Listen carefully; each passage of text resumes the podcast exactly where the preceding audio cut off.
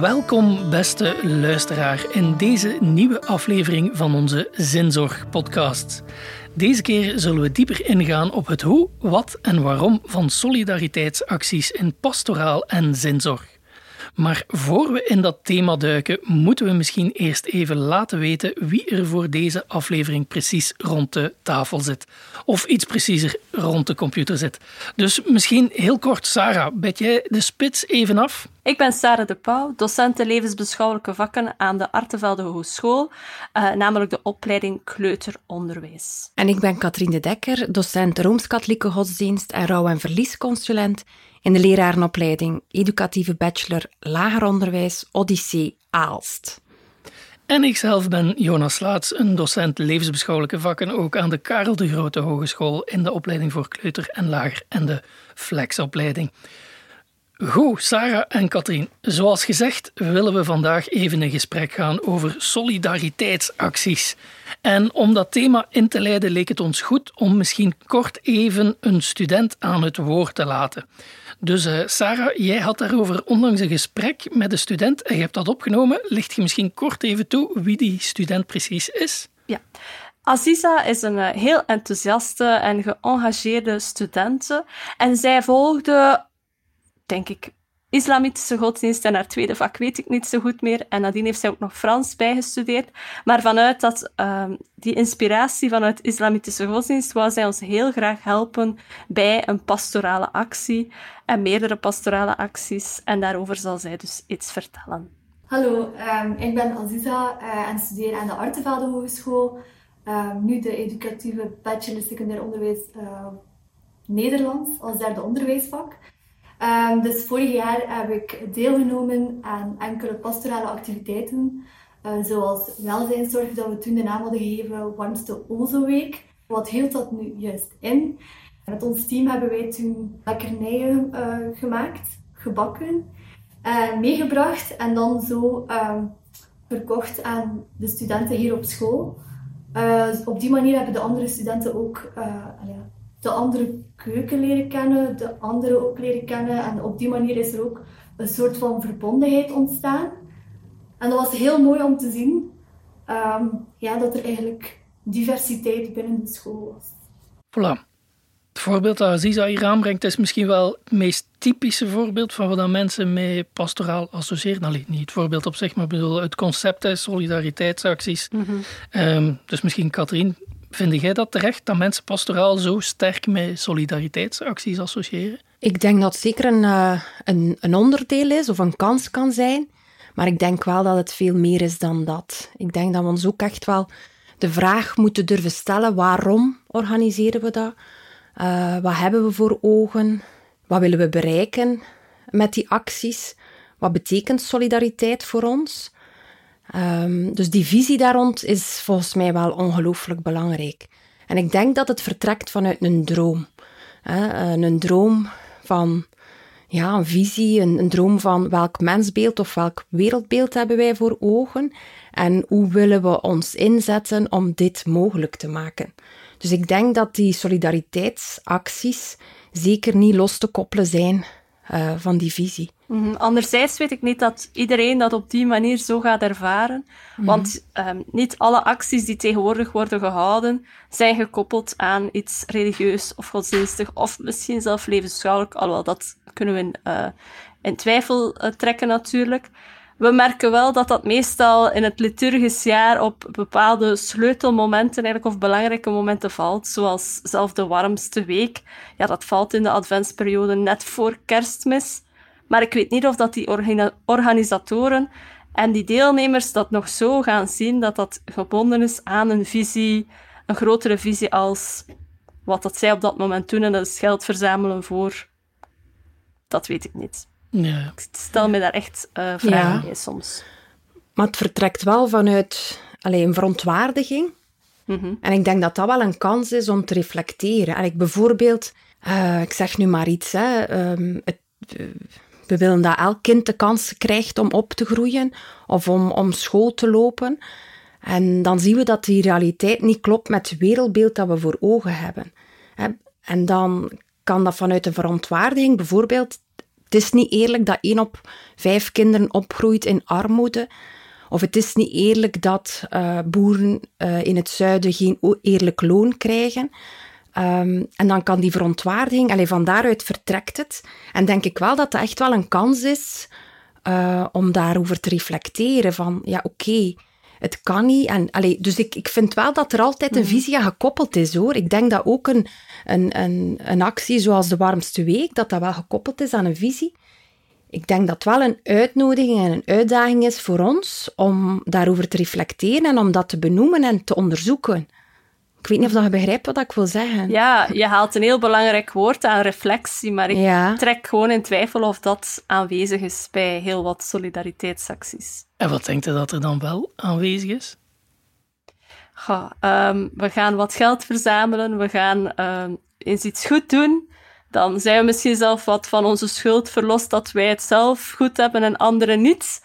En we gaan lekkere dingen maken. Aziza gaf het zelf aan. En dat is een verbindend moment. We genieten ervan. Het is vasten. Het is eigenlijk Vlaamse kermis. We verkopen van alles voor het goede doel. We hebben mensen gesteund. Voilà. Die reflectie, dat, dat, die bewustwording mis ik toch wel heel vaak bij solidariteit. Ja, zeker als die solidariteitsacties in de vaste vallen, waar dat ze geregeld en gepland worden in de vaste mhm. periode, en dan wordt het raar. Ik heb zelf ooit een keer een boek mhm. over vasten geschreven en ik heb op, op dat specifieke thema ook ingegaan, omdat dat vasten is juist leegmaken, loslaten. En omdat je het met minder doet, van je overschotten afgeven. Maar bij ons wordt het zoiets is dat helemaal in de consumptiemaatschappij past. Hè. Wat is de oplossing voor de wereld? Niet minderen, maar juist meerdere. Hè. Weer geld gaan mhm. inzamelen, weer ophopen. En dan kijk keer hoeveel dat we opgehoopt hebben voor die arme Dutskes daar. Daar zit zo toch een beetje een raar, een raar kantje aan. Hè. Maar dan denk ik dat juist onze kans is uh, om dat ter sprake te brengen. Dan denk ik dat wij juist ik ga nu een term gebruiken dat jullie kennen, eigen tijds tegen draads mogen zijn. Oh, ja. Hè? Ja. Toch? Ja, ja. ja, zeker. Ja, ja, ja. Maar hoe doe je dat? Sprekend. Hoe doe je dat om dat daarin te brengen? Door uh, soms een ambetantrik te zijn. In wat voor zin? Door het te blijven ter sprake te brengen. Want ik, ik, allee, ik vind echt dat we niet mogen zwijgen. Ik vind echt dat het onze verantwoordelijkheid is om een stem te geven aan uh, mensen die niet gehoord worden. Ik, ben bijvoorbeeld ja, ook enorm uh, daarmee bezig met dat thema rond armoede. En dat is iets wat ik in mijn lessen heel vaak hamer. Zo bij de studenten van, besef dat, hè. Één op vijf kinderen groeit op in mhm. kansarmoede. En dan gaat dat niet over een keer een actie organiseren voor een, een goed doel, maar dan gaat dat over een blijvende verantwoordelijkheid en bewustzijn. Als ik als leerkracht een taak geef, ben ik er mij van bewust dat dat niet voor alle kinderen evident is. Mhm. Ben ik er mij van bewust dat niet alle kinderen thuis een werkplek hebben. Dus dat, dat is echt een blijvende voortdurende verantwoordelijkheid, dat we, allez, of um, waakzaamheid, ik, zal, ik vind dat dat woord nog beter past. En dat geldt ook voor ons, vind ik, op de hogeschool. Mm Zijn we er ons van bewust dat de digitalisering, hè, bijvoorbeeld, uh, niet voor elke student evident is? Zijn wij gastvrij voor alle studenten? Is elke student wel echt ten volle welkom? Um, ja, dus ik, ik denk dat we dan, dat elke hogeschool zal zeggen ja, maar dat impliceert wel dat we nadenken over activiteiten of, of dingen die we organiseren. Like bijvoorbeeld, als wij extra activiteiten organiseren, um, ja, zorgen we er ook voor dat dat voor elke student haalbaar is. Ook voor die studenten die het financieel moeilijk hebben. Allee, ik weet niet of dat begrijpt wat, mhm. ik, wat ik mhm. wil zeggen, maar dat verwacht, allee, of dat vraagt dus wel een, een, een houding van luisteren. Hè, dat, we, dat we echt wel weten wat zijn die noden. Mm Dus ik vind dat wel een. Ik ben dan wel, ik vind dan wel dat, dat, dat de plicht is van elke docent om af en toe wel uh, een keer uh, een, een signaal te geven als we zien dat er moeilijkheden zijn of dat studenten het uit de boot dreigen te vallen. Want er vallen studenten uit de boot, hè? Mm Elke dag, hè? Nee, ik snap helemaal over wat je het hebt. Want op zich heb je het ook weer, als ik het terugkoppel aan dat vaste, ja. heb je het over inkeren, over de noodzaak om als je solidariteitsactie doet, hetgeen dat je daarnet aanbracht, vanuit een zekere reflectie te doen, vanuit een, een zekere oprechte inkeer die u naar van daaruit naar een betere wereld brengt, maar niet, niet direct naar die een betere wereld. Die één keer is gelijk noodzakelijk. Ik vind dat zelf ook. Mhm. Ja, en ik wil graag uh, nog even een, een woordje uitlichten dat uh, Katrien hier toch zegt. Die bewustwording, ik denk dat dat essentieel is als je een actie doet dat dat op mhm. zich ook aanwezig is. Het is heel opvallend. Aziza heeft het over die uh, warmste Ozo-week. En wat haar, bij haar is blijven hangen, is dat dessertenbuffet waar zij aan deelgenomen heeft. Maar wij hebben toen ook, net de week ervoor, heel de campus volgehangen met affiches, echt op elke deur. Met getuigenissen vanuit welzijnszorg, met cijfers, met dat alleen al dat toch is al is dat maar mhm. even, ik weet, Katrien, dat is niet alles, maar eventjes dat doen, maar toch even onder de aandacht brengen.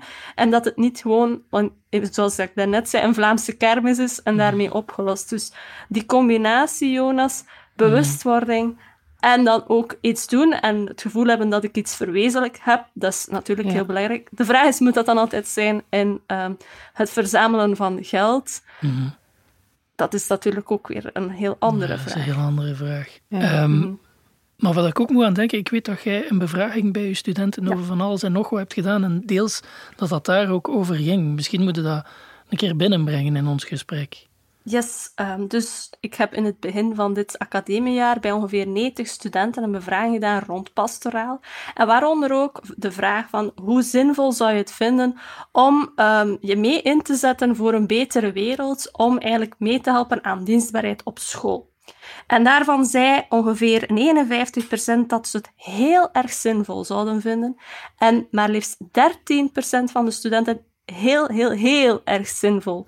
Dus dat geeft wel aan dat studenten dat heel erg nodig vinden en eigenlijk ook daar al de bereidheid aangeven van wij zouden ons daarvoor willen inzetten. Ik denk dat dat vooral komt omdat zij een heel groot hart hebben voor mensen, voor de wereld, zich echt willen inzetten. Ook wel echt een groot verantwoordelijkheidsgevoel hebben. Mhm. Ik denk echter niet, vooral bij de studenten kleuteronderwijs, dat dat komt vanuit een evangelische inspiratie, waar dat, dat bij um, Aziza vanuit haar levensbeschouwing wel eerder zal zijn. Maar toch hebben zij echt wel die nood om er te zijn voor de ander. Ja, en willen ze dat dus ook graag dat die solidariteitsacties er zijn. Hè? Dus uh, ja. ik, ik vroeg het u om het u binnen te brengen, omdat het mij wel doet nadenken over die relatie tussen solidariteitsactie op zich en de inkeer die daarvoor nodig is. En om dat aanbrengt, dat evangelische, wat vinden we daarvan? Moet dat dan, moeten wij als pastoraal medewerkers of, of als mensen die zich inzetten voor pastoraal op een hogeschool, in katholieke hogescholen dan, ehm, in wat voor mate moet dat bij ons van daaruit vertrekken? En in wat voor mate moet dat duidelijk zijn? Want dat kan dan voor u persoonlijk zo zijn, eigenlijk dat Van Aziz aanbrengt, dat dat een persoonlijke drijfveer is om zich achter zo'n solidariteitsactie te zetten. Dat is één ding. Maar het andere, vinden we dat dat christelijke in die actie centraal moet komen te staan? Onder andere door het in de vaste periode te doen. Ik vind wel dat dat mag benoemd worden. Ik vind dat je allez, altijd mocht verwijzen naar je inspiratie. En als je een katholieke hogeschool bent, dan is jouw inspiratie christelijk. Um, en dan kunnen we ons de vraag stellen: gaat het enkel over die christelijke waarden? Of durven we ook nog die christelijke inspiratie benoemen door te verwijzen naar die figuur Jezus? Mogen we die nog ter sprake brengen of moet dat vaag blijven? Um, ik vind persoonlijk dat dat niet enkel, allez, want daar juist werd gezegd, uh, wie bezig is met pastoraal, maar eigenlijk gaat dat over de volledige katholieke hogeschool, vind ik. Ik vind dat niet de verantwoordelijkheid mhm. eh, van alleen mensen die godsdienst geven. Maar eigenlijk gaat dat toch over ja, de inspiratie van, van een school. En is mhm. dat dan niet de verantwoordelijkheid van iedereen die in die school werkzaam is? Het is een vraag mhm. die ik durf stellen. En ik denk het gesprek daarover, dat dat eigenlijk al zeer waardevol zou zijn. Mhm. En het is niet omdat ik persoonlijk um, geïnspireerd ben door het christendom, dat ik niet opensta voor andere inspiraties. Hè. We spreken wel uh, over de katholieke dialoogschool. Ik vind die dialoog ook zo belangrijk. Ik vind dat juist zo waardevol om ook uh, andere inspiraties uh, te leren kennen. Om ook een keer te luisteren naar anderen. Waarom doe jij vrijwilligerswerk? Waarom doe jij wat jij doet? En dan ontdekken we misschien dat mijn wereld niet de wereld is. Ja, ik ben het daar wel mee akkoord. Juist Mhm. omwille van hetgeen dat we daarnet over hadden, die nood aan inkeer. Mhm. Ja, je kunt die ook maar expliciteren. Ja, als je die expliciteert. Een beetje raar om te zeggen. Ja. Maar dus, allee, die, die inkeer op zich als thema kan maar erin gebracht worden. Als je dan ook eerlijk bent over wat dat u persoonlijk tot inkeer heeft gebracht. En anders zijn je gelijk verplicht om in dat algemeen solidaire te blijven hangen. Mhm. En dat kan dan wel mooi klinken, maar dat wordt zo rap een ziet ons goed bezig. Wij zijn de anderen aan het helpen. Hè? En dan wordt dat iets, iets heel raar. We hebben het daarover gehad. Hè? Sarah, ik weet niet hoe jij daar naar kijkt. Want wat Aziza aanbracht was op zich ook natuurlijk een zeer interreligieuze solidariteitsactie.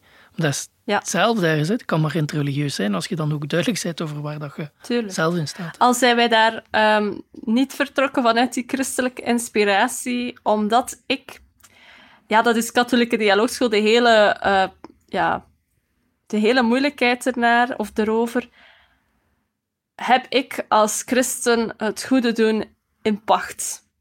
En ehm, ik denk dat wij toen gekozen hebben voor de warmste Ozo-week, om te refereren naar de warmste week. En wij eh, verbinden ons dan aan welzijnszorg, wat wel ook direct aangeeft van wat onze ehm, inspiratie of inspiratiebron daar is. Maar wij hebben niet het evangelische toen aangehaald en wij voelden wel dat wij heel veel input kregen toen van andere studenten en ook vanuit eh, islamitische godsdienst. En toen is ook wel vanzelf, ook vanuit de studenten katholieke godsdienst, een dialoog ontstaan. Ja. Ja, ik denk dat het gewoon vandaag de dag heel erg gevoelig ligt. Want ik zou willen vermijden om te zeggen van kijk, nu gaan we eens het goede doen en we doen dat vanuit de christelijke inspiratie. Want wij, wij doen het goede net zoals Jezus en dan zouden anderen kunnen zeggen ja, doen mensen die dan niet geloven in Jezus dan niet het goede. Ik weet, dat is heel, heel de discussie katholieke Ja.